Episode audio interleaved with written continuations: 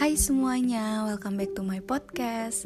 Kali ini aku mau bahas sebuah topik yang sering banget nih teman-teman pasti alami karena setiap kondisi dan situasi yang mungkin nggak kita duga-duga kita akan mengalami hal ini. Jadi kali ini aku mau bahas tentang mental health yaitu cemas karena pasti semua teman-teman pernah mengalami hal ini.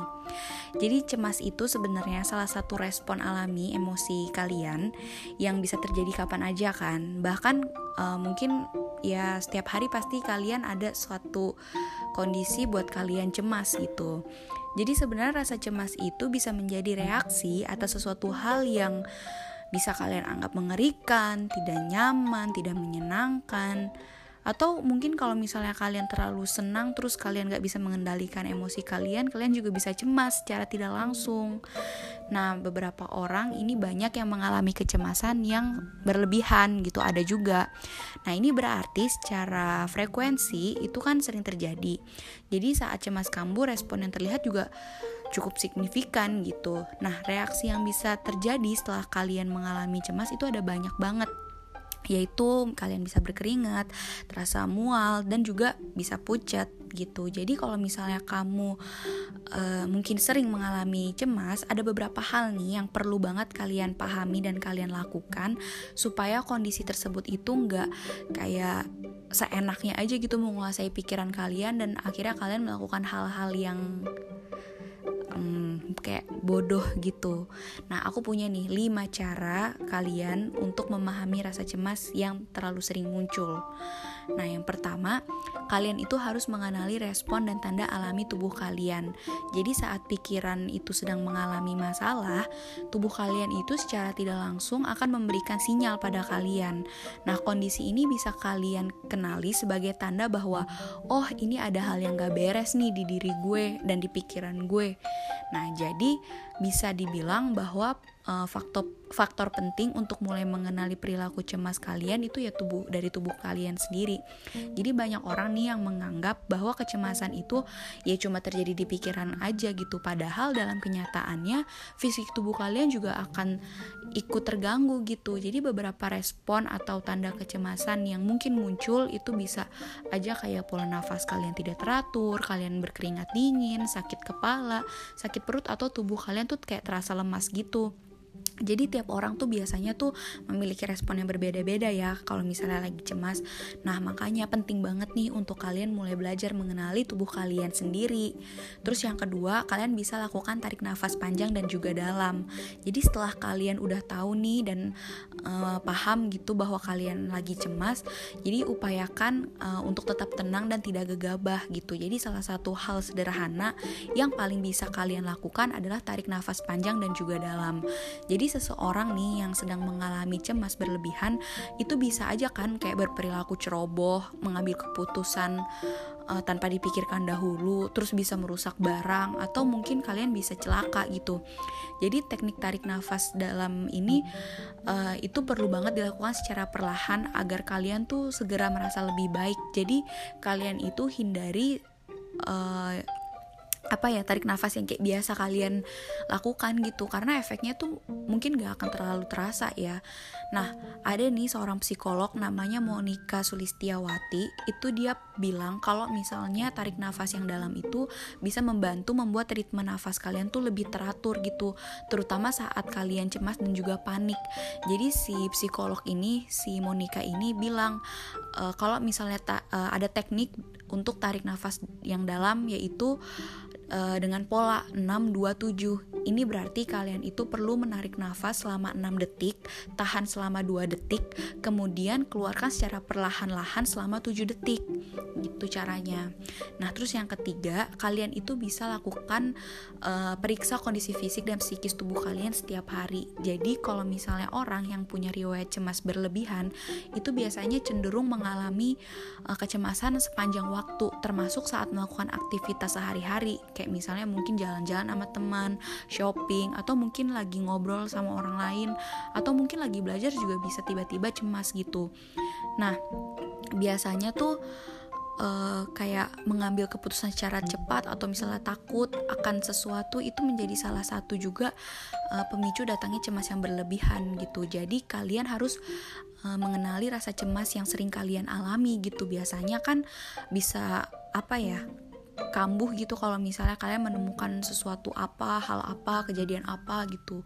Nah, begitu juga kalau misalnya kalian uh, udah begitu kalian harus apa ya, mengambil keputusan dalam waktu cepat.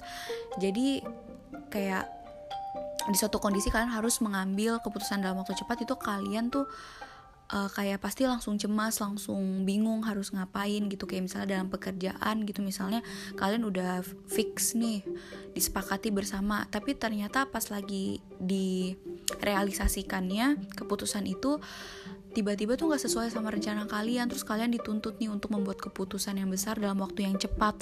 Nah cemas itu kan bisa uh, datang kapan aja ya dan bisa menimbulkan tanda-tanda yang udah aku kasih tahu tadi sebelumnya. Nah jadi jadi kalian tuh penting banget nih untuk uh, mengenali kondisi tubuh kalian setiap hari termasuk kondisi fisik dan juga psikis kalian. Jadi jika memang ada sesuatu yang kira-kira bisa membuat cemas kalian jangan ragu ya untuk meminta bantuan dari orang lain. Mungkin sahabat kalian keluarga kalian. Jadi kalian juga harus uh, atur nafas lagi dan pastikan kalian itu merasa lebih nyaman dengan apa pun kondisi yang sedang kalian hadapi. Terus yang keempat, kalian harus segera atasi tanda cemas dengan tepat. Dengan tepat. Jadi ketika kalian merasa mulai datang nih kecemasannya, kalian harus segera lakukan teknik tarik nafas yang dalam seperti yang udah aku kasih tahu tadi. Tapi gimana ya kalau misalnya itu nggak nggak ampuh nih untuk mengusir rasa cemas itu. Nah kalian harus lakukan hal-hal yang bisa membantu mengatasi cemas. Kan setiap orang beda-beda ya. Tapi ada nih cara yang tepat yang uh, bisa kalian lakukan. Misalnya nih ini contoh aja ya misalnya kalian uh, menghindari deh segala sesuatu yang dapat menimbulkan kecemasan itu atau mungkin kalian hangout sama teman-teman biar lupa atau kalian mendengarkan musik kan beda-beda setiap orang. Itu tadi contoh aja ya. Nah misalnya ada sesuatu tempat nih atau kondisi yang di mana buat kalian itu kemudian merasa cemas berlebihan apalagi sampai mempengaruhi fisik dan psikis kalian. Nah ya udah langsung aja deh tuh hindari gitu. Pergi aja untuk sementara waktu sampai kalian itu udah bisa menenangkan diri gitu. Dan itu nggak masalah sih sebenarnya. Jadi cara lain yang bisa kalian lakukan juga itu bisa memanfaatkan minyak aromaterapi. Kan lagi ngehits banget tuh minyak-minyak aromaterapi yang suka ditaruh aduh apa sih namanya yang taruh di kamar itulah. Kalian pasti sering lah lihat di Instagram gitu. Nah wangi minyak lavender itu ternyata bisa memberikan efek tenang nih buat pikiran kalian. Karena bisa memberikan efek relax juga gitu. Jadi bisa deh tuh pakai minyak aromaterapi lavender. Nah ini yang terakhir yang penting banget. Kalian itu jangan takut ya untuk meminta bantuan gitu. Jadi kecemasan kan banyak orang yang bilang kecemasan itu adalah sesuatu hal yang biasa.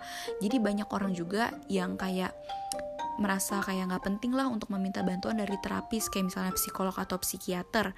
Padahal nih ya, nih ini udah fakta nih bukan mitos lagi. Kecemasan atau anxiety itu itu masih masih menjadi salah satu masalah utama masalah psikis yang paling umum terjadi di era saat ini. Jadi kalian tuh jangan ragu deh untuk meminta bantuan dari orang sekitar ya. Jadi sebenarnya nggak selalu harus terapis profesional sih kayak psikolog atau psikiater kalian bisa minta bantuan juga sih sama orang-orang terdekat kalian sama keluarga kalian sahabat atau siapa pun itu yang membuat kalian jauh lebih tenang dan nyaman untuk mengutarakan apa yang kalian rasakan gitu.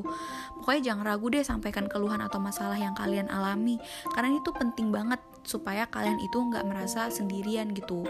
Jadi mengenali kecemasan diri sendiri itu bisa menjadi kunci sih untuk kalian membantu mengatasi masalah itu. Apa apabila kalian memang merasa perlu nih untuk konsultasi nggak salah sih kalau misalnya kalian meminta pertolongan atau konsultasi dengan psikolog atau psikiater karena mungkin kalian merasa lebih apa ya tertangani secara profesional aja. Jadi jangan ragu ya kalian untuk minta bantuan karena itu penting banget sih. Oke deh teman-teman. Itu aja sih uh, tips uh, cara kalian untuk menghadapi rasa cemas itu. Semoga bermanfaat ya untuk teman-teman yang mendengarkan. Dan terima kasih banyak untuk teman-teman yang sudah bersedia mendengarkan podcast aku ini. Semoga bermanfaat. Jangan lupa juga di-sharing di seluruh sosial media kalian dan ajak semua teman-teman, sahabat, kerabat, keluarga, siapa pun itu untuk mendengarkan podcast ini karena aku harap podcast ini tuh bisa bermanfaat buat kalian semua. Oke teman-teman, terima kasih ya. Um, nanti kita akan ketemu lagi di next podcast berikutnya. See you on my next podcast. Bye bye semuanya.